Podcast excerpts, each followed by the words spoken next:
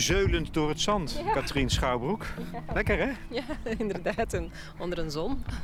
Stralende zon. Ja, heel fijn. Is dit een ehm, fijne plek voor jou? Vlak achter de Internationale School voor Wijsbegeerte? Ja, zeker. zeker. Eh, eh, ik krijg altijd graag naar hier, omdat Utrecht, daar heb ik ook twee jaar gewerkt en gewoond. En eh, ik heb er wel een beetje heimwee naar. Dus ik dacht het wel toen ik onderweg was nu van...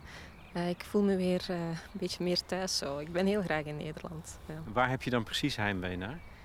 Ja, goede vraag. Ehm, dat was natuurlijk... Ik, ik vind sowieso... Um, ik, werk graag, ik heb graag in Nederland gewerkt. Ik vond werksfeer anders, opener. Een beetje clichématig wel, maar het werkte voor mij wel zo. Dus er was een meer directe, open werksfeer dan ik in Vlaanderen gewend ben. En dat ligt mij wel. En uh, het was ook al een tijd voor het gezin. Hè. Dus het was een tijd voor ik kinderen had, uh, voor ik een huis had, een vaste job had. Dus het gaat wel een beetje daarmee gepaard. Zo het gevoel van vrijheid, als je daar zo op terugkijkt. Maar ook, ja, ik hoop dat ik dat ooit nog eens kan doen. Zo in het buitenland gaan wonen en werken, ik vind dat een heel fijne ervaring. Dat heeft altijd een soort bevrijding van perspectief, hè, denk ik. Ja. Ja. ja, bevrijding van perspectief. En ook, je bent um, los van uh, een aantal ja, van bagage. Die, je draagt overal wel een stukje bagage mee. Maar je kan nieuwe perspectieven of nieuwe relaties aanknopen.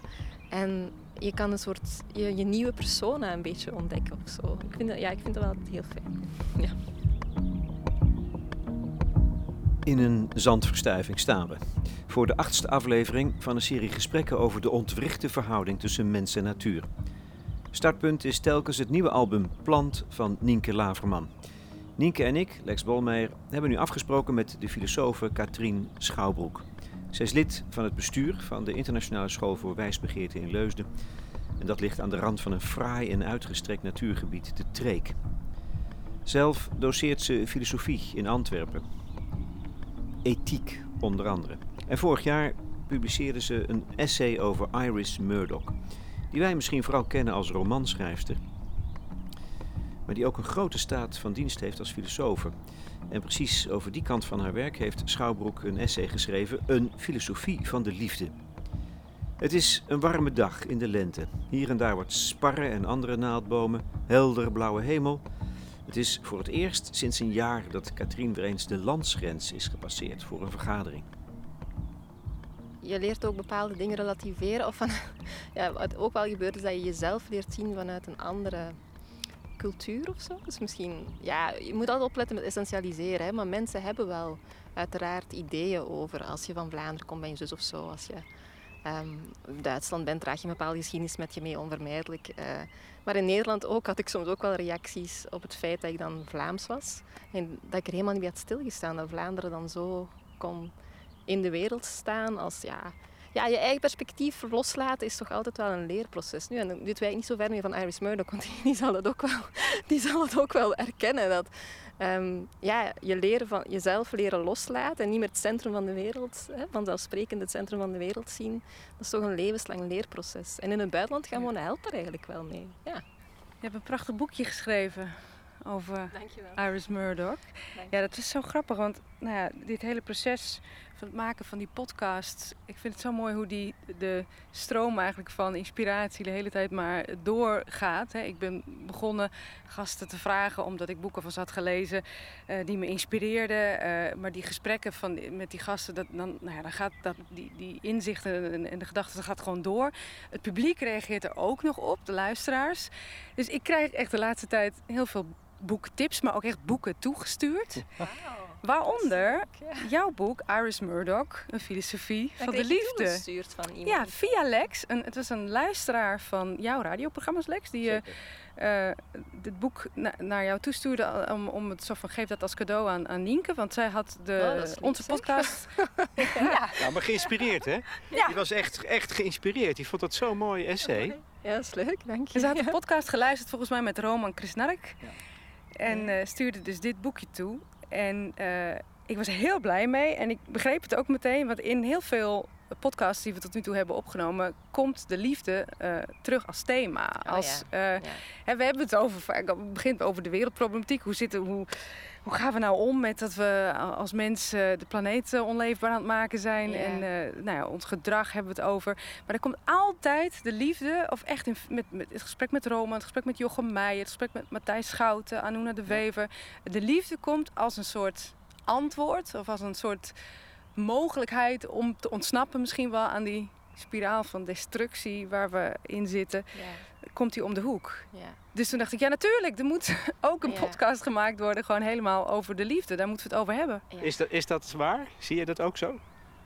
Uh, de liefde kent natuurlijk vele vormen. Hè? Dus uh, er, er, zijn uh, manieren om over liefde te spreken die het net heel egoïstisch maken en heel sterk op partijdigheid betrekken. Hè? Dus uit liefde voor je kinderen doe je dingen waardoor je, uit liefde voor je vrienden of je partner, waardoor je andere mensen uit het zicht verliest. Hè? Dus, of zelfs actief tegen gaat werken, omdat je toch ja, liefde kan je motiveren tot de ergste dingen, denk ik ook. Maar dat is een vorm van liefde um, die misschien uh, niet zo centraal zou hoeven te staan. Ik denk dat, het, je ook echt wel toegang kunt hebben tot een meer um, onpartijdige vorm van liefde.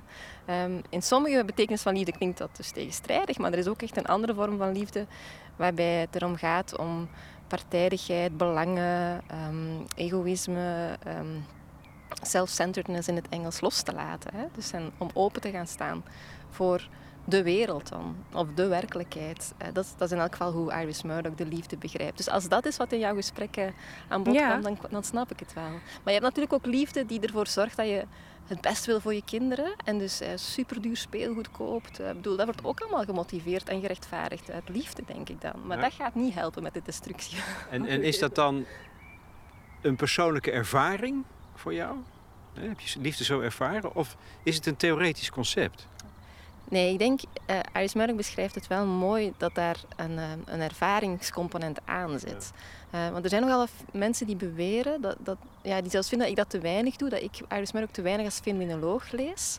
Dus fenomenologie is een fenomenologie, het is een, mond vol, maar het is een, een, stroming in de filosofie die zegt dat, um, dat we vooral moeten kijken naar hoe wij dingen ervaren. Hè. Dus dat filosofen zich daarmee moeten bezighouden, eerder dan met abstracte ideeën, metafysica achter de werkelijkheid. Het moet gaan over hoe voelen wij de werkelijkheid aan. En um, er valt wel voor te zeggen dat Iris Murdoch eigenlijk in die traditie van fenomenologie staat. En zij beschrijft dat, zij kan echt heel goed schrijven, uiteraard als romanschrijfster, maar ook in haar filosofie heeft ze zo'n mooie voorbeelden. Je zal dat dan misschien in het boekje wel gelezen hebben van, ja kijk, er vliegt een vogel voorbij, dus we kunnen ter plekke illustreren. Um, over de vogel, hè, de torenval die ze uit haar raam ziet, um, vanuit haar raam ziet ze die voorbij komen. En die trekt haar uit haar beslommeringen weg. Hè. En ze, plots is er alleen nog maar die vogel en uh, toen, als die vogel dan wegvliegt, keert ze terug naar, naar, naar haar realiteit, daar ter plekke. En weet zij al niet meer waarom ze zich zo had opgejaagd in een opmerking van een collega of zo was het.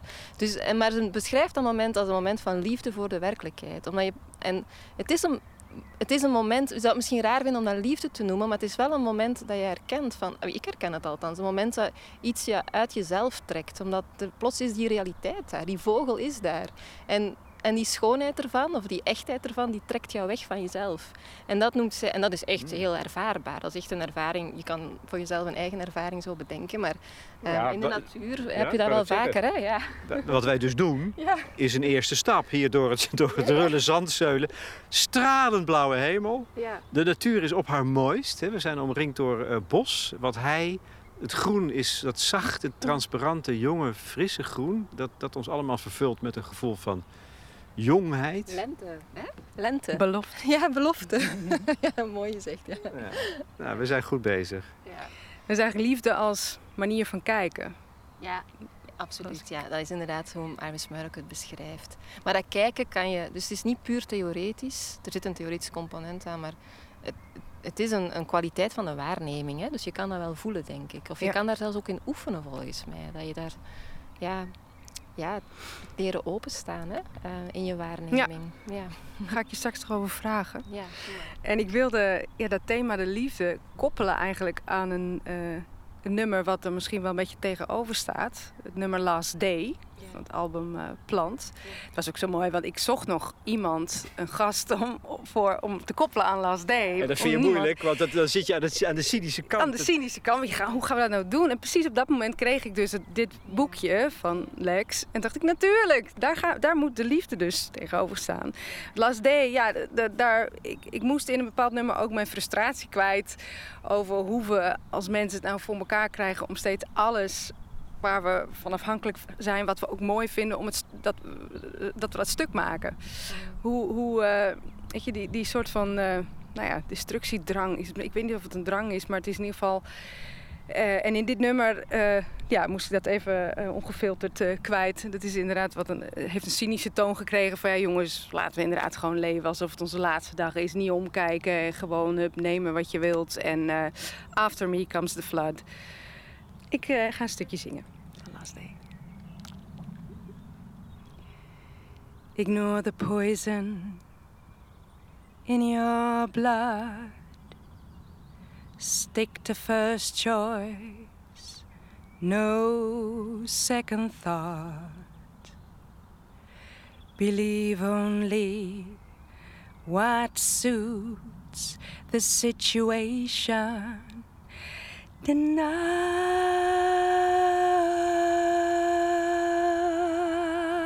your reason, squeeze everything out of life until there's no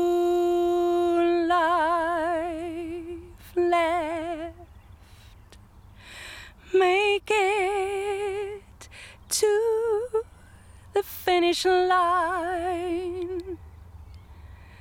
The line where all is finished, all is gone.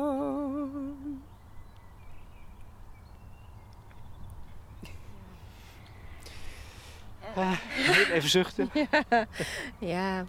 Ja, maar ik begreep wel waarom je de link legde met Murdoch. Omdat uh, die, die zin of die frase, ja, het hele lied hoor, maar die frase van believe what suits you. Hè, dus um, ja, uh, neem aan of, of, of geloof uh, wat je goed uitkomt. Dat gaat helemaal in tegen waar liefde over gaat voor Murdoch.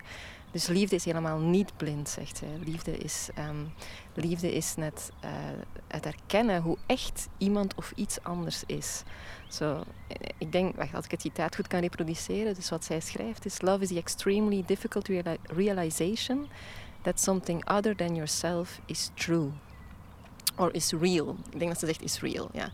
Maar de, de gedachte is dus um, het idee dat uh, en dat kan je in het gezicht slaan, denk ik, bijvoorbeeld bij die meer conventionele vorm van liefde, als je verliefd wordt op iemand. Um, maar het is niet alleen tot dat beperkt, want dat is een goed voorbeeld, denk ik. Dan kan je, denk ik, heel goed voelen hoe oncontroleerbaar die andere is. Dus die, dat is het centrum van zijn of haar wereld. Of hij is het centrum, of zij is het centrum van zijn of haar wereld. Net als jij dat van jouw wereld bent. En die, ja, die echtheid daarvan, waar jij geen controle, geen vat op hebt. Uh, dat kan heel um, fascinerend zijn in, in, in, liefde, in verliefdheid. Natuurlijk ook heel beangstigend. Um, maar uh, ja, ik, ik vind het wel... Ik, ik vind daar een, goed, een goede link. Of, vandaar kan je ook wel zien dat het niet zo gek is om liefde daarmee te verbinden met het um, tot helemaal laten doordringen dat jij ook maar één iemand bent op deze wereld, één miertje in het geheel.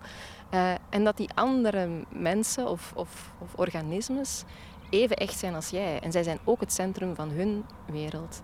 En uh, dat, dat durven geloven of dat durven aannemen is eigenlijk helemaal niet zo makkelijk. Um, dat doen we ook vaak niet. Uh, meestal niet zelfs waarschijnlijk. En wat staat ons dan in de weg? Ja, uh, ja zelf, zelfbelang denk ik. Maar niet, of eigenbelang, hè, dus self-centeredness. Maar ook voor een stuk hebben we dat ook wel nodig natuurlijk voor ons overleven. Maar het, er, ja, er zijn duidelijk grenzen aan die we dan overschrijden. Um, en er is ook ik denk dat Murdoch ook wel herkent, het is onmogelijk om constant uh, in zwijm te vallen voor de echtheid van de natuur rondom je. Op een bepaald moment moet je gewoon eten en, en drinken en, en ja, moet je toch aan jezelf weer denken. Of...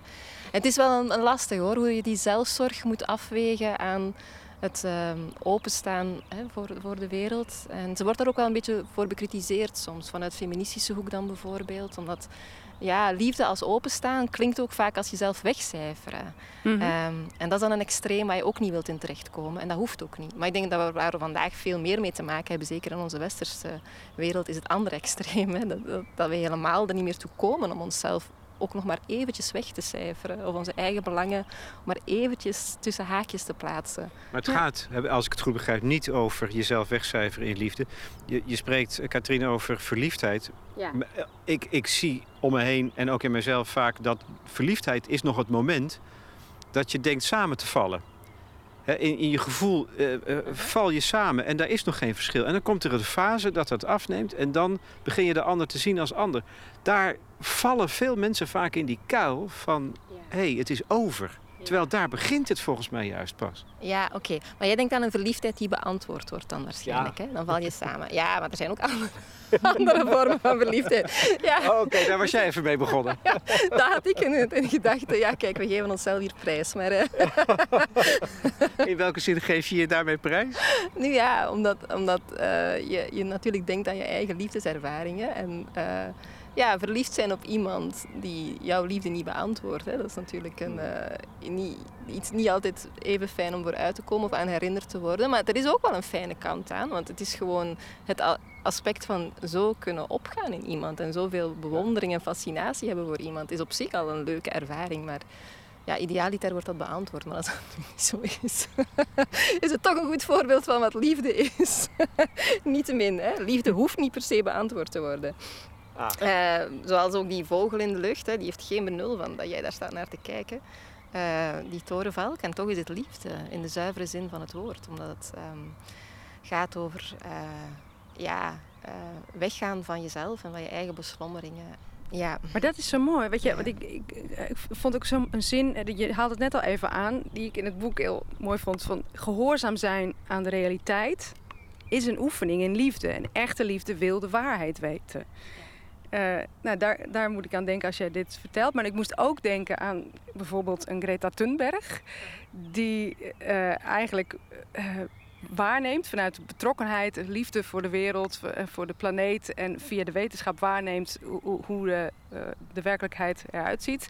En dat communiceert en een enorm vijandige reactie krijgt. Dus wij willen vaak die realiteit, ook misschien in zo'n relatie na drie jaar, niet, niet zien. Ja, Absoluut. Ehm, ja, en ik kan ook wel iets met... In relaties is het ook wel is het even goed zo. En in een samenleving even goed, denk ik. Uh, samenlevingsproblemen, uh, onze relatie met de natuur. Um, maar ik denk dat ook in een relatie... Um, die, de moeilijkheid om om te gaan met uh, de andersheid van de ander... Met dingen die die wilt of die verlangt en, en waar jij niet meteen in mee kunt gaan. Ik denk dat veel van de frustratie en van de ruzies komen, en dat is toch ook wat Murdoch zou zeggen, en ik denk dat dat ook zo is, uit, uit angst. Hè? Uit een soort angst van um, ja, alleen achter te blijven, niet begrepen te worden, um, uh, uh, ja, het, uh, niet meer beschermd te worden of zo. Dus je, je merkt dat, dat de wereld niet in teken van jou staat. Hè? Dus, en en dat aanvaarden, bij baby's zie je dat heel duidelijk. Het is normaal dat een baby dat verwacht, hè, dat hij verwacht dat je als die huilt, dat die uh, geketerd wordt.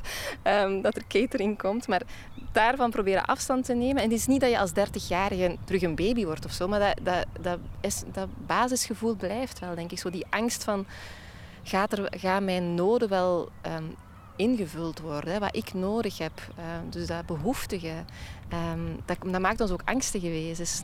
Want als dat dan niet gebeurt, we weten wat daar kan op volgen. Maar dus in die reflex schieten is um, heel begrijpelijk, maar het is uh, het schiet moreel tekort. Hè. Dus dat is in elk geval wel wat, wat Meur zou willen zeggen. En, en, bij baby's is daar alles voor te zeggen. Dat, dat, hè, die hebben nog niet die morele eisen waar ze moeten aan voldoen. Maar uh, bij volwassenen schieten ze moreel tekort omdat je de andere persoon uh, tekort doet. Hè, die, die recht heeft op zijn of haar realiteit. En in het sociale, dat, is een, een, bruggetje dat ik wou maken naar een boek dat ik onlangs las van Rashida Aziz, heet ze. Dat is een, een Vlaamse Brusselse vrouw met Marokkaanse roots.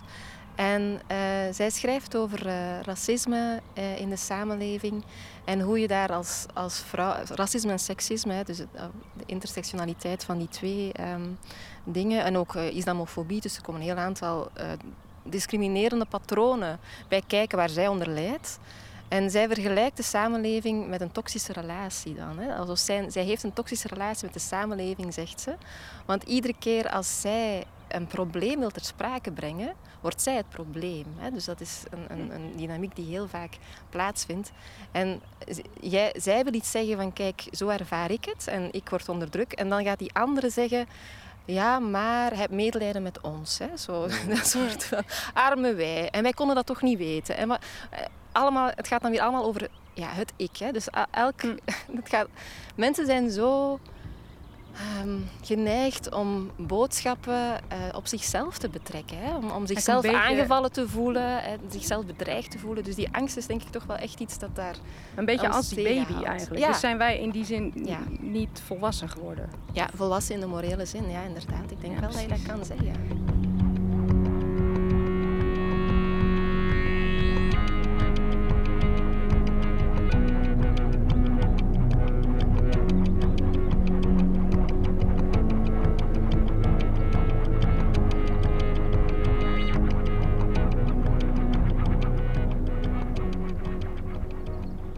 Hoe, hoe kan het nou dat wij eigenlijk um, stuk maken waar we afhankelijk van zijn? Even heel algemeen gezegd.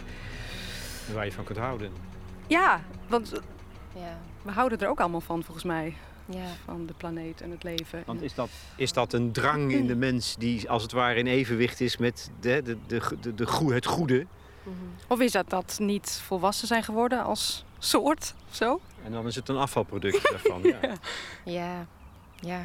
Wel een fundamentele vraag, ja, Katrien Schouwbroek. Ja, als filosoof zou je daar weg mee moeten weten, maar het is toch uh, tamelijk complex, denk ik. Um, ja, ja omdat, er, omdat er heel veel dingen kunnen spelen. Hè. Dus, ik weet niet of je die, die vraag los kunt stellen van het um, maatschappelijk bestel waar we in zitten dat um, ja, te maken heeft met kolonisatie, met um, imperialisme, met kapitalisme. Met maar dat hebben we ook gecreëerd. systemen, dat hebben we gecreëerd. Ja, dat hebben we gecreëerd. Um, maar heeft dat dan toch te maken met dat ego? Met de, hoe, wat Iris Murdoch zegt, het dikke, ja. onverbiddelijke ik? Wat... Ja, dat denk ik wel. Dat denk ik wel. Het is, het, het is het is heel moeilijk om dat op individuen nog af te wentelen. Hè. Dus ooit moeten er individuen geweest zijn die dat hè, hebben bedacht en dan elkaar bevestigd daarin. Maar nu is het zo'n systeem geworden, of zo'n structuur, dat het heel moeilijk is om er nog op, op individuen af ja, of individuele beslissingen te gaan bekritiseren, omdat die altijd tegen een achtergrond genomen worden. Um, en dat, dat, dat is zo moeilijk als filosoof ook, voor, voor mij ook en ook voor Iris Murdoch, denk ik, zowel zij als ik um, voelen ons meer thuis of comfortabel met nadenken over het individuele leven en hoe je dat moet leven. Maar ik krijg vaak de kritiek, en Iris Murdoch kreeg die kritiek ook, dat, dat je daardoor ja, vergeet dat het eigenlijk om sociale structuren gaat die moeten aangepast worden. Dus mhm. dat het moraliserend zou kunnen beginnen overkomen wanneer je aan mensen zegt van je moet zus of zo. Terwijl dat gaat helemaal niet het verschil maken. Nu ja, iemand als Anouna de Wever of, of, milieuactivisten krijgen ook vaak die kritiek van als één iemand het vliegtuig niet meer gaat nemen, dan maakt nul verschil hè, op, op, het einde. Dus je moet de structuren aanpakken. Maar tegelijkertijd vind ik het vaak zo frustrerend, want hoe doe ik dat? Ik als, als enkel uh, ja, individuutje, als die mier van daarnet, uh, hoe ga ik het structuur, de structuur aanpakken? Dat kan ik toch niet anders doen dan door mijn eigen keuzes en mijn eigen leven uh, proberen ja, bewuster te, te creëren, zonder mee te gaan in wat verwacht wordt of wat uh, structuren zijn. Ja. Maar je, bent je, ook, ja, je bent ook bezig met de, moraal, hè, de ethiek. Wat is goed leven? Ja. Dus uh, dingen kapot maken, is dat niet. Nee. nee. En ook niet als we dat met z'n allen uh, massaal doen met deze waanzinnig betoverend mooie omgeving en natuur waar we van afhankelijk zijn. Ja, ja klopt. Um, maar je, zou kunnen zeggen dat dat dan ook iets is van politiek en sociale filosofie dat binnenkomt. En, en waar ik dan, of Murdoch dan ook, te weinig aandacht voor heb of zo. En, uh, hoe, die, ja, hoe dat tot, historisch tot stand is gekomen.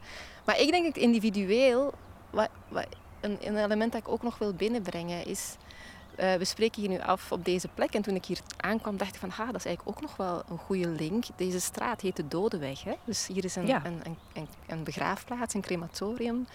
Ehm, en filosofie heeft wel een nauwe band met de dood. Hè? Dus Socrates zei van, ja, filosoferen is leren sterven. Hè? Dus uh, het is, ja, natuurlijk deed hij die uitspraak in een bepaald, een bepaald metafysisch beeld van het dualisme. Dus um, de, lichaam en geest, of lichaam en ziel, waren gescheiden, konden gescheiden van elkaar leven. Of althans, de ziel kon gescheiden van het lichaam leven. En dus de dood was eigenlijk het moment, een moment van bevrijding voor Socrates. En, um, dan kon de ziel ongehinderd uh, door het lichaam uh, denken en, en ik weet niet wat de ziel precies allemaal deed, want het is voor ons heel moeilijk om dat nog in te leven. Dus op die manier denk ik dat ik die stelling niet zo goed kan invoelen of onderschrijven, maar op een andere manier wel. Namelijk dat um, wij toch vaak in het individuele leven vergeten hoe sterfelijk we zijn en hoe afhankelijk wij zijn van het voorbestaan van um, de menselijkheid of van de mensheid na ons bijna alles wat wij doen. Dus we zijn hier nu een podcast aan het maken. We zijn uh, les aan het geven. Um, we zijn onderzoek aan het doen. We, we, dragen zorg voor een natuurgebied. Dat is allemaal vanuit het idee dat, dat er iets is verder dan onszelf. Hè, dat onszelf overstijgt. Wat, wat, voor zin zou het hebben dat we dit doen als morgen de wereld stopt? Hè? Of als niet alleen ik. Iedereen, ik denk op een bepaalde manier weet iedereen wel dat hij zal doodgaan. Um, ooit. Uh, en dat staat niet in, in, conflict met toch ergens waarde aan hechten in het leven en iets uh, met overgave doen. Maar als je dat in een gedachte-experiment uitbreidt naar niet alleen jij gaat sterven, maar iedereen gaat sterven. Op het moment dat jij sterft, sterft iedereen. Um, en misschien zelfs de dieren erbij. Hè? Dus gewoon alle organismen gaan dood. Dan heeft ons individuele leven ja, geen enkele zin meer. Ik denk, ik denk als je dat door begint te hebben van alles wat ik doe, of heel veel van wat ik doe, doe ik um, met als mogelijkheid of met als randvoorwaarde dat er naast mij en na mij mensen zullen blijven leven, dan denk ik dat dat toch jouw eigen leven in een perspectief stelt, waarbij je je moet afvragen hoe consistent het allemaal met elkaar nog is. Hè? Mhm. hoe, hoe kan... Ja, wij, ja ik, daar zit denk ik echt een contradictie als je uh, je af, als je denkt van ja, ik doe heel veel wat ik doe, doe ik uh, voor mijn kinderen bijvoorbeeld, om een heel concreet voorbeeld te nemen, maar Um, bij andere mensen werken andere voorbeelden. Maar ja, met wat voor wereld ga je je kinderen opzadelen? Dus dan moet je toch ook nadenken over ja, wat je dan doet dat, dat tegen het belang van jouw kinderen ingaat. En ik, ik, vind, ik heb zo het gevoel dat dat, dat te weinig gebeurt. Zo dat, mhm. dat idee van hoe um, afhankelijk de betekenis van ons leven is van het, van het feit of van de veronderstelling dat het leven door zal gaan. Ja. Het doet me ook weer denken aan het gesprek dat we hadden met Roman Krisnarik. Hij heeft het boek geschreven The Good Ancestor. Het gesprek ging ook over goed voorouderschap. Wanneer zijn we een goede voorouder? Uh, hier komt natuurlijk ook de vraag naar boven: wanneer zijn we een goed mens? Ja. Eh, valt dat eigenlijk ook samen? Zijn we een goed mens als we een goede voorouder zijn? En met hem heb je dan je lied Your Ancestor misschien ja, besproken. Klopt. Ja, ja, ja. ja die tekst hij ging het uit zijn hoofd leren, ja. vond hij. Hè? Ja, dat heeft hij hij wilde dit echt gewoon uit zijn hoofd gaan leren, want hij vond het zo mooi. Ja, het is een hele knappe tekst. En wat er ook knap in is, is dat je wel zegt, als ik me goed herinner, dat je dat Your Ancestor, wij, hebben het ook, wij hielden ook van onze kinderen. Hè? Dus wij deden het ook wel. Veel van wat we deden motiveerden we of rechtvaardigen we door liefde voor onze kinderen. Maar toch niet genoeg doordacht, denk ik dan. Toch niet voldoende doorgedacht over... Ehm, ja, eh, ja, je kan ze zoveel snoep geven als je wil, maar als je ze dan in een giftige omgeving laat opgroeien, bedoel, dan, dan, gaan ze toch niet gelukkig van worden. Zo. dus, ja. in die zin kan de liefde de weg wijzen naar dat voorouderschap, omdat het denken is en voelen, denk ik ook, voorbij je eigen persoon, je eigen leven. Mhm. Ja, ja, ja dat, dat, is, dat is de kracht van liefde. En nu snap ik ook wel waarom dat in je andere podcast vaker aan bod kwam. Hè? Dus hoe liefde uh, je uit jezelf kan trekken en daardoor de destructie kan, kan tegengaan. Maar liefde moet dan wel een. een um, liefde is niet, is niet eindig. Hè? Dus je moet dan denken aan liefde als eindeloos. Aan het kan blijven doorgaan. Je kan, uh, liefde hoeft niet te stoppen bij je kinderen dan bijvoorbeeld. Maar het hmm. gaat dan ook over uh, wat, is, wat hebben jouw wat zullen jouw kinderen dan nodig hebben in de toekomst? Of, of wat, wat heeft onze samenleving nodig, zodat die een goede um, omgeving vormt voor jouw kinderen? Of, of wat heeft de natuur nodig? Dus uh, liefde is niet een, een, pakketje dat plots op is. Het is geen taart die op is. Daar zit een eindeloosheid in die we denk ik meer moeten verkennen of, zo. of meer, meer durven inzien. En dat is daarom geen pleit, veel pleidooien tegenwoordig hè, in de filosofie gaan over polyamorie.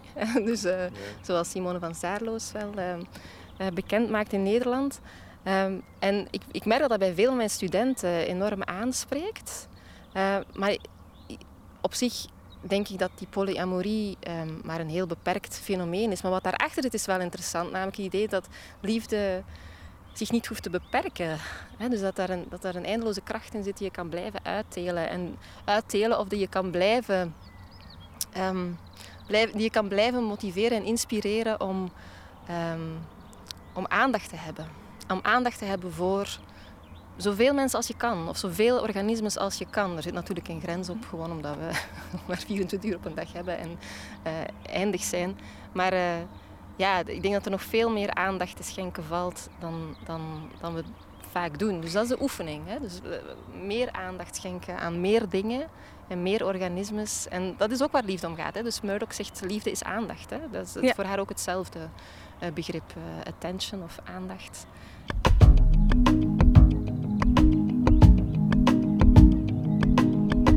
We staan hier te koken. Ja. Midden in, in deze, deze zandbak. Deze zandverstuiving met de koperen ploert die ons uh, om de oren slaat. Even, we moeten even een stukje in, de, in de schaduw opzoeken. Daar, daar. Ignore the poison in your blood.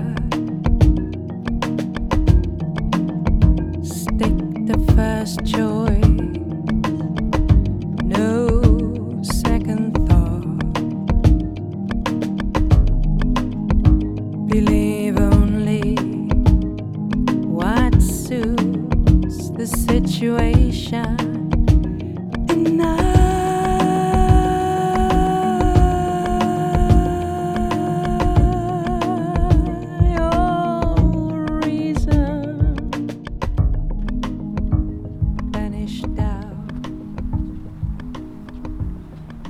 is liefde dan dus niet het doel waarna je streeft. Als ik nou maar die vrouw of die man binnen heb voor mij, dan heb ik de liefde bereikt. Dat, is echt, dat slaat dan nergens meer op om er zo over te denken. Want het moet een bron zijn van waaruit je handelt. Ja, ja.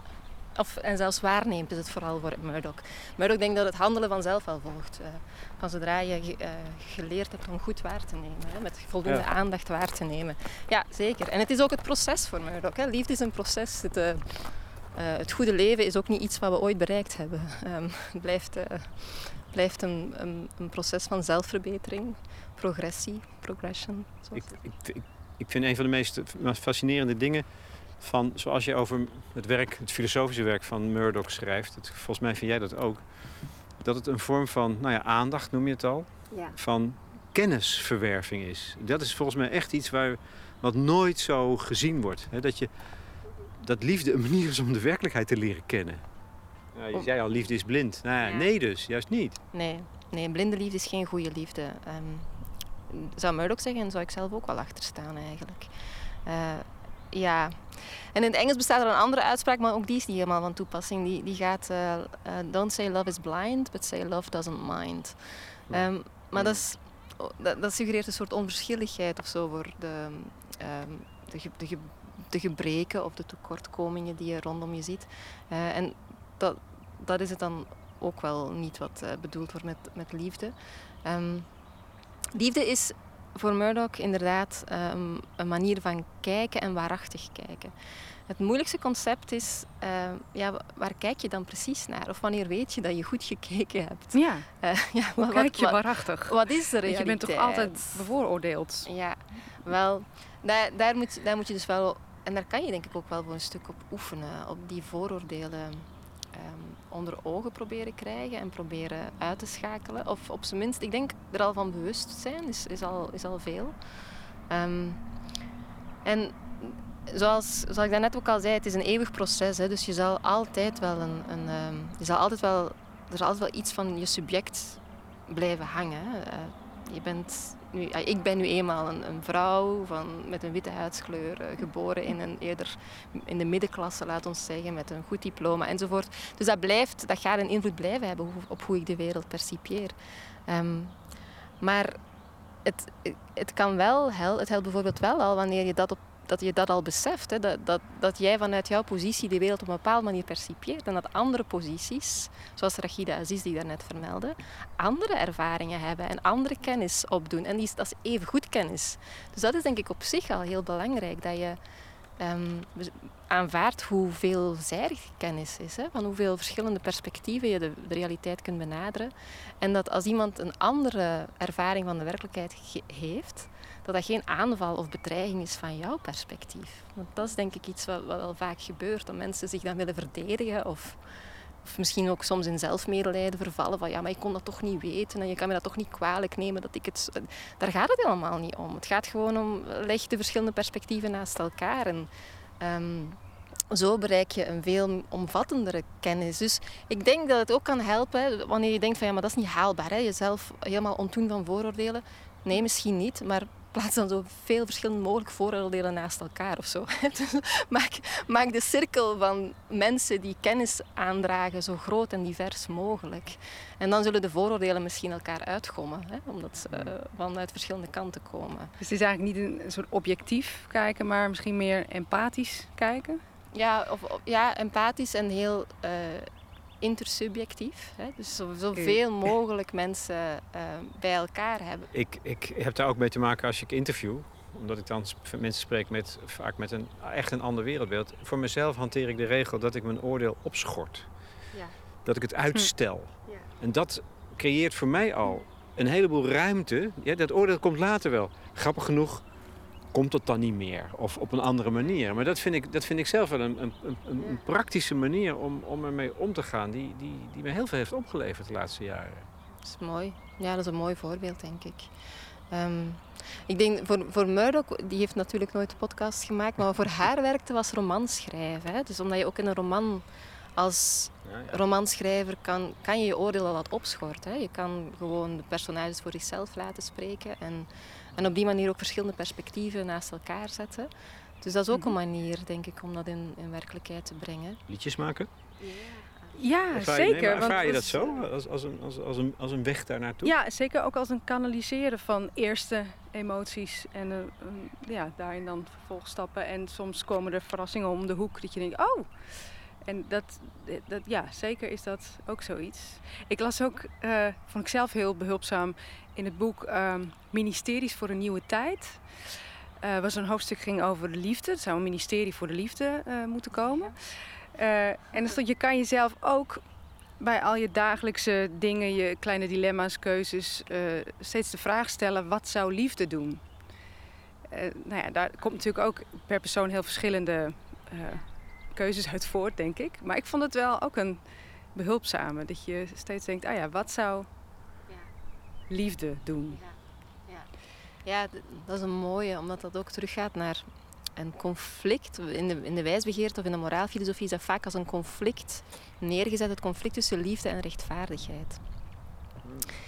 Zelf denk ik dat dat niet zo hoeft te zijn. Ik denk niet dat liefde in conflict hoeft te zijn met, partijdig, met rechtvaardigheid. En dus de reden, de redenering erachter is van liefde is partijdig, rechtvaardigheid is onpartijdig. Mhm. Ehm, dus ja, wat zou liefde doen? Het hangt af van. Ik weet niet of voorbeelden kunnen helpen, maar uh, een, een conflict situatie met een kind in een klas of zo. Hè, ehm, en, en, um, mijn zus uh, werkt op een lagere school. En dus conflict situaties daar. Uh, met, ja, daar zijn dan ouders bij betrokken, uiteraard. Het kind zelf, de leerkracht, uh, de schooldirectie, andere leerlingen in de klas. Um, het is niet, het is niet altijd makkelijk om, om daar tot oplossingen te komen, uiteraard. Maar uh, je, je, je zou als ouder soms het gevoel wel kunnen hebben van ja, maar de leerkracht houdt niet van mijn kind. En allicht is dat ook waar. en dan is de vraag, uh, maar wie heeft dan de beste verhouding tot het kind? Hè? Um, is, is de liefdevolle ouder die misschien iets te ja, toegeeflijk is, hè? of toegeeflijker is, is dat dan te toegeeflijk? Dat moet dan nog bekeken worden, maar toegeeflijker is of, of begripvoller is? Of heb je, die, heb je dan de persoon van de leerkracht nodig die ja, afstandelijker is en denkt over ja, rechtvaardigheid in de klas? Um, maar ik denk dat veel leerkrachten ook wel beseffen dat, ja, wat betekent rechtvaardigheid in een klas? Hoe, hoe pas je dat toe? Is dat dan één regel voor iedereen? Is dat het meest rechtvaardige? Of is het soms ook wel rechtvaardig om een regel een beetje aan te passen? Als je ziet dat het voor één kind echt wel veel moeilijker is om zich daaraan te houden dan voor een ander kind, is het dan wel zo rechtvaardig? Om dan zo die één, één regel voor iedereen toe te passen. En ik vind dat zelf als leerkracht soms ook heel lastig. Wanneer ik van studenten de vraag krijg, mag ik mijn deadline een beetje uitstellen? En dan, het simpelste is om te zeggen, nee, hè? de regel is er voor hm. iedereen. Dat is het simpelste. Is dat wat liefde zou doen? Ik weet het niet. Maar is dat, dan, is dat dan wat rechtvaardigheid is? Dat weet ik dus ook niet. Ik vind dat die tegenstelling tussen rechtvaardigheid en liefde te gemakkelijk wordt gemaakt. En ehm, dat, die, dat dat wel een eye-opener is om, om eens de vraag, jezelf af te vragen van wat zou liefde doen. Nou ja, het, jij geeft zelf het voorbeeld van uh, Murdoch trouwens. Dat, hè, dat gaat nog steeds over goed kijken. Dit gaat over een beroemd voorbeeld. Misschien kan je dat nog vertellen over de schoonmoeder. Ja. ja, juist. En zij noemt het inderdaad een rechtvaardig kijken. Zij spreekt daarover just loving. Of ja, loving in a just manner. Um, en het uh, gaat als volgt. Dus er is een, een uh, ze beschrijft een schoonmoeder die heel uh, beleefd en voorbeeldig omgaat met haar Engels. schoondochter. Ja, ja, het is dus echt een Engelse upper class schoonmoeder. Um, en dus in haar gedrag naar haar schoondochter toe, daar, daar valt niks op aan te merken. Maar die schoonmoeder uh, heeft een heel slecht beeld van haar schoondochter. Hè. Dus uh, ze denkt er slecht over. Uh, ze vindt uh, ze vindt ze vulgair, luidruchtig. Um... Er zou misschien een klassenprobleem onder kunnen liggen. Wordt niet beschreven, maar ik denk het. Ja, dat denk ik wel. Ja, want uh, platvloers wordt er nog wel... Ja, zo, uh, kinderlijk, kinderachtig. Zo, allemaal beschrijvingen die Murdoch dan opsomt. Maar ze zegt, het is, laat ons aannemen dat het een intelligente vrouw is die in staat is tot zelfkritiek. Het gaat eigenlijk vooral daarom. Hè, dat intelligent, het gaat niet om een IQ-test, maar het gaat om in staat zijn tot zelfkritiek. En... Um, en in acht nemen of het mogelijk achten dat je vooroordelen hebt. En een van de vooroordelen die ze noemt is, uh, misschien vind ik dat mijn zoon onder zijn stand getrouwd is. Dus daar heb je die klasse. Uh, of misschien ben ik gewoon jaloers. Hè? Um, gewoon pff, ja, ouderwetse jaloezie van een, van een uh, moeder op een vrouw die haar zoon huwt en meeneemt, om het zo maar te zeggen. Het schijnt een klassiek probleem te zijn trouwens. ja, um, dus ja, daar was me ook wel gevoelig voor. Ze zag dat natuurlijk wel rondom haar of zo. Of, ehm, maar de zelfkritiek zorgt ervoor dat die vrouw zegt: laat ik nog eens proberen en met een loving and just case uh, te kijken. En dan verschijnt die schoondochter als niet luidruchtig, maar uh, vrolijk. En niet kinderlijk, maar jeugdig. En niet uh, ordinair platvloers, maar heerlijk direct, eenvoudig. Hè. Niks gekunsteld aan. Dus die, die schoondochter doet niks anders. Die gedraagt zich zoals altijd. Maar het is de schoonmoeder die op een andere manier kijkt. Hè. En, uh, en voor Murdoch is dat het goede kijken. Dus ze kijkt goed wanneer ze het zo ziet. Sommige mensen ja, vinden dat dan meteen, stellen dan meteen de vraag, ja, maar hoe weet je dat nu? Want er zijn ook gewoon vulgaire mensen die bestaan. Hè. Er zijn ook gewoon schoondochters die kinderachtig zijn, die zijn er ook. dus het kan toch niet... De, naar de realiteit kijken kan toch ook niet Ehm, betekenen dat je er altijd een roze waas overheen legt of zoiets. En dat, dat, is ook, dat kan ook echt niet de bedoeling zijn. Dus dat voorbeeld moet je op een andere manier begrijpen. Ehm, je moet het wel willen begrijpen als de kracht van de waarneming uh, illustreren. Hè. Hoe dat, je manier van kijken kan echt wel iets veranderen in de wereld. In jouw realiteit en dus in de realiteit. Ja. Ik hoor dan toch inderdaad een liefdevolle blik. Ja. Ja, maar Meer nog misschien dan een rechtvaardige. Ja, zij noemt het ook het just. Zij, zij verbindt, ja, ik zou daar meer over moeten lezen of nadenken. Ze noemt het ook het just case, gaze. Dus ehm, voor haar zit het niet ver van elkaar, rechtvaardigheid mhm. en liefde. Dus, uh, kan je daar ook in doorschieten eigenlijk? Dat je, is er ook een gevaar dat je jezelf weggeeft? Ik moest heel erg denken aan een boek wat ik sinds kort ken, wat nu al mijn, een van mijn favoriete boeken is.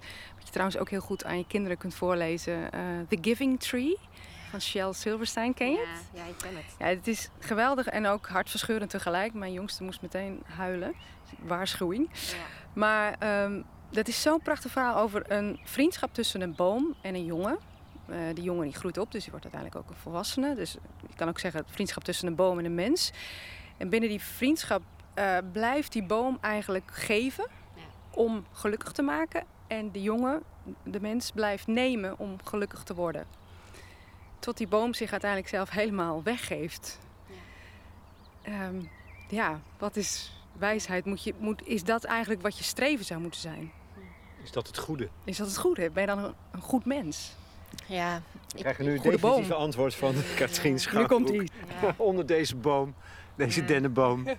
Ja, en daar zie je, waar ik dan net naar verwees, een, een soort um, probleem of tekortkoming wanneer je structuren niet meeneemt. Hè. Dus hmm. ik denk dat die boom voor een moeder of een moederlijke figuur staat. Um, en dat denk ik omdat dat is hoe Kate Mann, een filosoof die ik, een feministische filosoof die ik gelezen heb, hoe zij dat verhaal interpreteert. Dus zij heeft in haar boek Down Girl vermeld zij, um, of heeft zijn hoofdstukje over de giving she. Dus de giving tree is voor haar een giving she. Hm. En dus je krijgt de feministische interpretatie van um, veel van die verhalen van geven, geven. In de films van Lars van Trier zie je dat ook vaak. Um, Dus de, de vrouw blijft geven tot ze er... Ja, uh, Breaking the Waves is zo'n hartverscheurend ja. voorbeeld. Ja. Um, is dat het goede? Soms misschien wel, maar het probleem is dat, dat daar een, een, eh, een genderongelijkheid bij komt kijken die niet goed is. Dat, dat kunnen we niet mhm. goed noemen. Omdat daar... Ja, want die genderongelijkheid is er gekomen door een gebrek aan liefde. Hè? Niet door liefde, maar door een gebrek aan liefde. Het is zoveel complexer.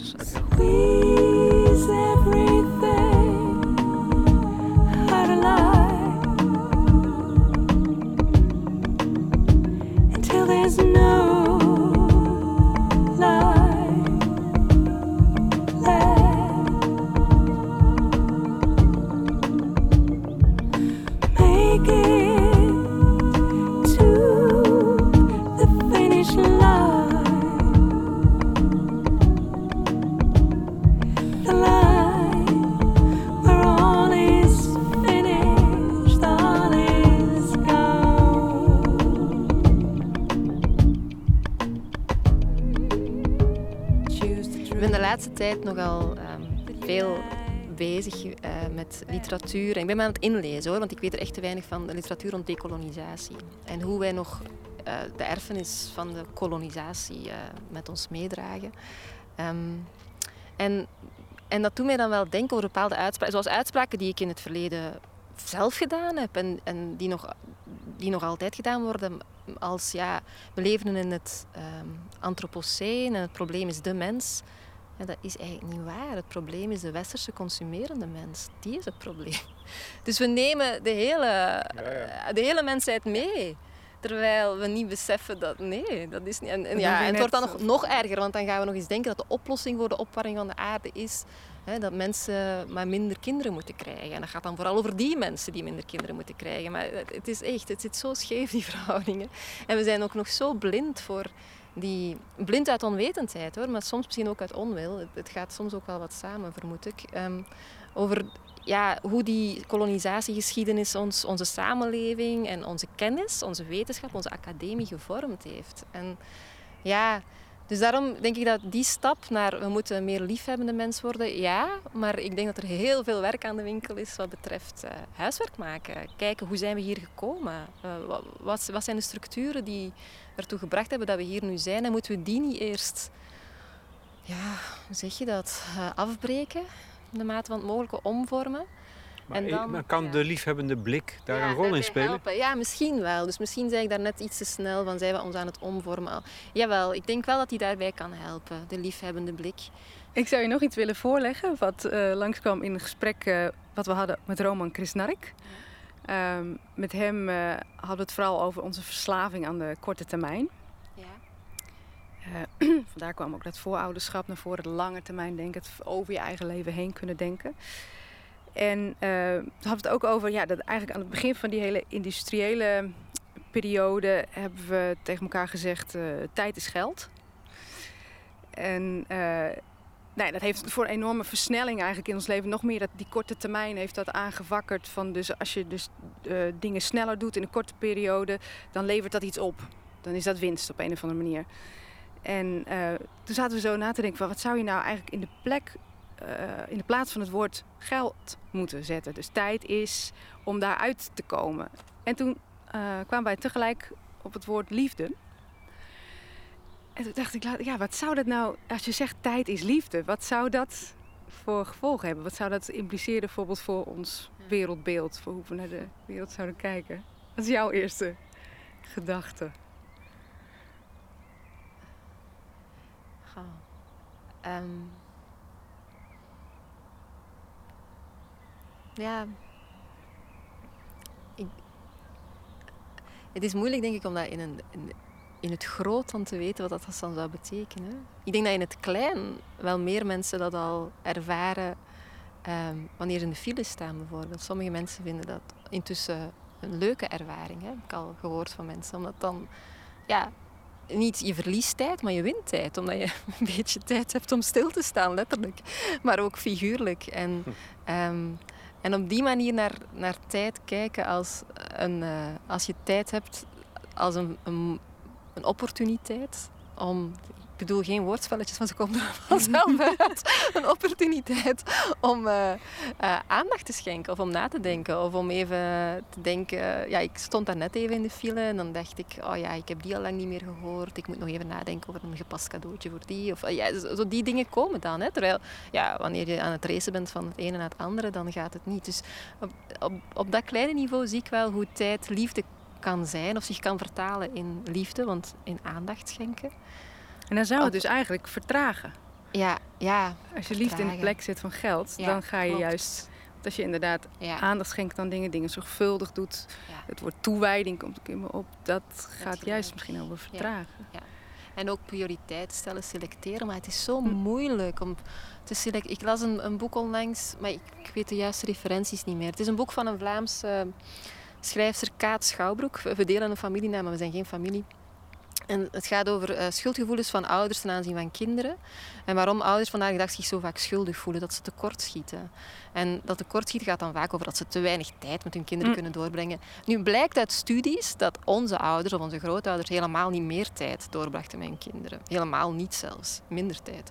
Um, maar het, het, er is wel iets van aan dat mensen vandaag alsmaar gejaagder moeten leven. Hè? Dus dat, dat gejaagde, en dat, daardoor voelen we ook dat we tekortschieten. Maar dat gejaagde, waarvan komt het dan? Ja, omdat we met zoveel onnozeliteiten moeten rekening houden. Het is zo makkelijk gezegd prioriteiten stellen, maar dan, dan komt daar een aanbod van een of andere internetprovider dat er toch ja, beter uitziet. Ja, dan zullen we dat maar doen. Dan, dan uh, komt er een vakantieaanbod. Dan uh, moet, je, moet, je, weet ik veel, moet je verhuizen. Moet je, uh, moet, je, moet je verhuizen op je kantoor. Moest ik altijd inpakken weer naar een ander kantoor. daar moest dan een nieuwe laptop komen. Je, je bent constant van het ene taakje naar het andere aan het hollen. En ik weet echt niet hoe je dat stil kan leggen. Je kan dan wel zeggen, maak prioriteiten, stel prioriteiten, maar ja, het neemt ook niet weg dat we in een samenleving eh, zitten waar we dat collectief allemaal maar doen.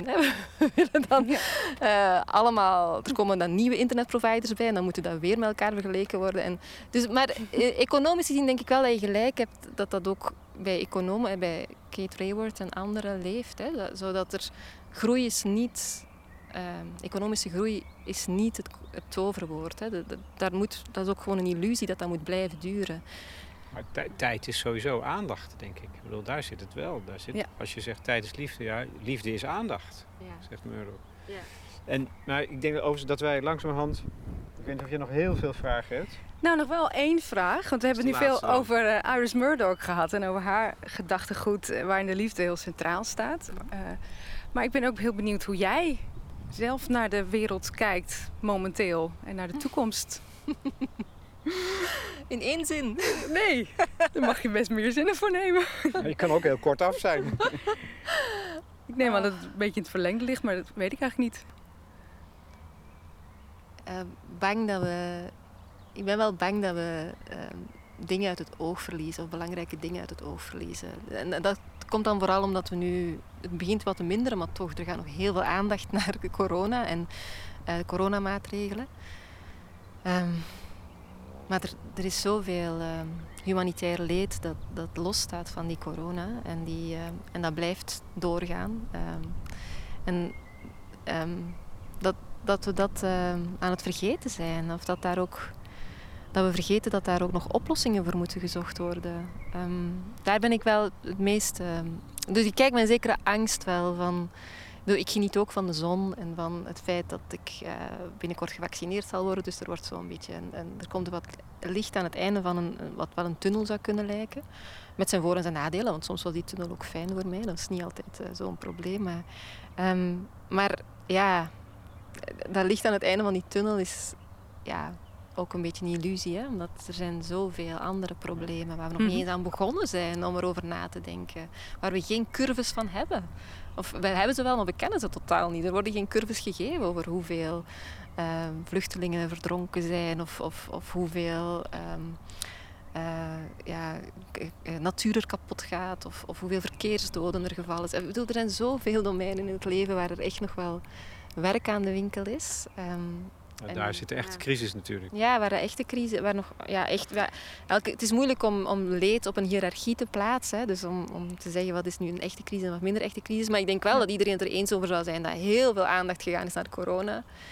En dat dat ook wel getoond heeft van dat kan dus. Je kan met een samenleving een jaar lang intensief naar een oplossing toewerken ja, misschien moeten we dat met andere projecten of andere doelstellingen ook maar doen. Maar ik ben bang dat dat niet gaat gebeuren. Dus, maar uh, dat neemt niet weg ehm, dat ik ook uh, ja, wel uitkijk naar het opgroeien van mijn kinderen. En het uh, binnenkort um, misschien nog eens een verblijf in het buitenland plannen of zo. Maar dat is dan een heel individueel pleziertje waar, waar, ik zelf gelukkig van word.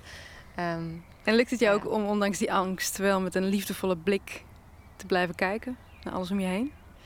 Ja, maar dat is wel moeilijk hoor. Ik, moet dat, ik, ik, ik ga de laatste zijn om te zeggen dat dat makkelijk is. Ehm, ik verzeil wel de laatste tijd meer en meer in conflicten met mensen met wie ik het niet eens ben. En, um, en waarvan ik denk dat zij een groter probleem niet zien. Ehm, en om dan liefdevol te blijven kijken naar hoe zij naar de wereld kijken, of, of liefdevol blijven openstaan voor hun realiteit en hun wereldbeeld, ja, dat, is uh, best lastig. ja. ja. Dat, dat, is, dat is dus een strijd, dat snap ik ook wel, zeker ook als je het hebt over de sociale structuren. Maar in wezen, als je het kleiner maakt en het hebt over wat liefde is als motor, dan begrijp ik toch ook wel van jou dat dat een bevrijdende ervaring is. Ja, ja, ja, want zelfs met, die, met mensen waar ik het dan mee oneens kan zijn, op Facebook of, of in onpersoonlijke contacten, als ik daar dan een één op één relatie mee kan verkrijgen, als dat dan lukt, dat kan zelfs in een, een mailcontact zijn of, of in een, een persoonlijk gesprek, ja, dan, en het lukt dan om affectief op zijn minst weer dichter bij elkaar te komen, ook al blijven we eh, in onze meningen even ver van elkaar staan. Dan is dat wel, voelt het wel als een succes aan, ja, dat is wel waar. Dus liefde kan dan wel toch uh, de moeite waard blijven om te proberen te bereiken. Hè? Dat moment van één op één ergens um, elkaar beter begrijpen. Maar ja, maar dan komt. Maar we, zullen positief eindigen. We zullen het houden op de waarde van dat moment. Ja. Maar het, het, is ook soms het is vluchtig. Hè? De torenvalk is weer al weg. En, en, en ja. ja. Uh, maar dan komt er wel een ander moment waarop je die liefde kunt gebruiken of, of moet proberen. Uh, we moeten volhouden. Ja, dus je moet blijven volhouden. Dankjewel. Dankjewel. Ik, ik, ik, ik vond dit een heel goed resultaat. Wij hadden ook wel heel veel liefde voor elkaar, denk ik. En heel veel geduld en aandacht voor wat we zeiden. Nou ja, maar dan zie je hoe fijn dat is. Ja, dat is juist. Absoluut. Het is een fijne ervaring. Ja. Dankjewel, Katrien. Ja, jullie ook.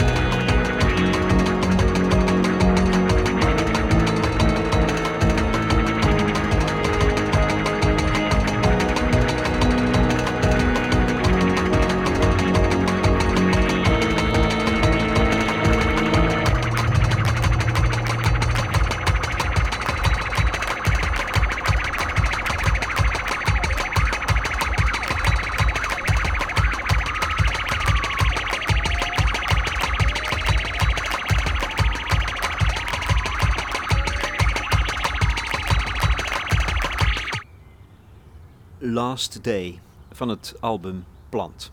Nienke Laverman en Lex Bolmeijer waren erover in gesprek met de filosoof Katrien Schouwbroek vanwege haar essay Iris Murdoch, een filosofie van de liefde.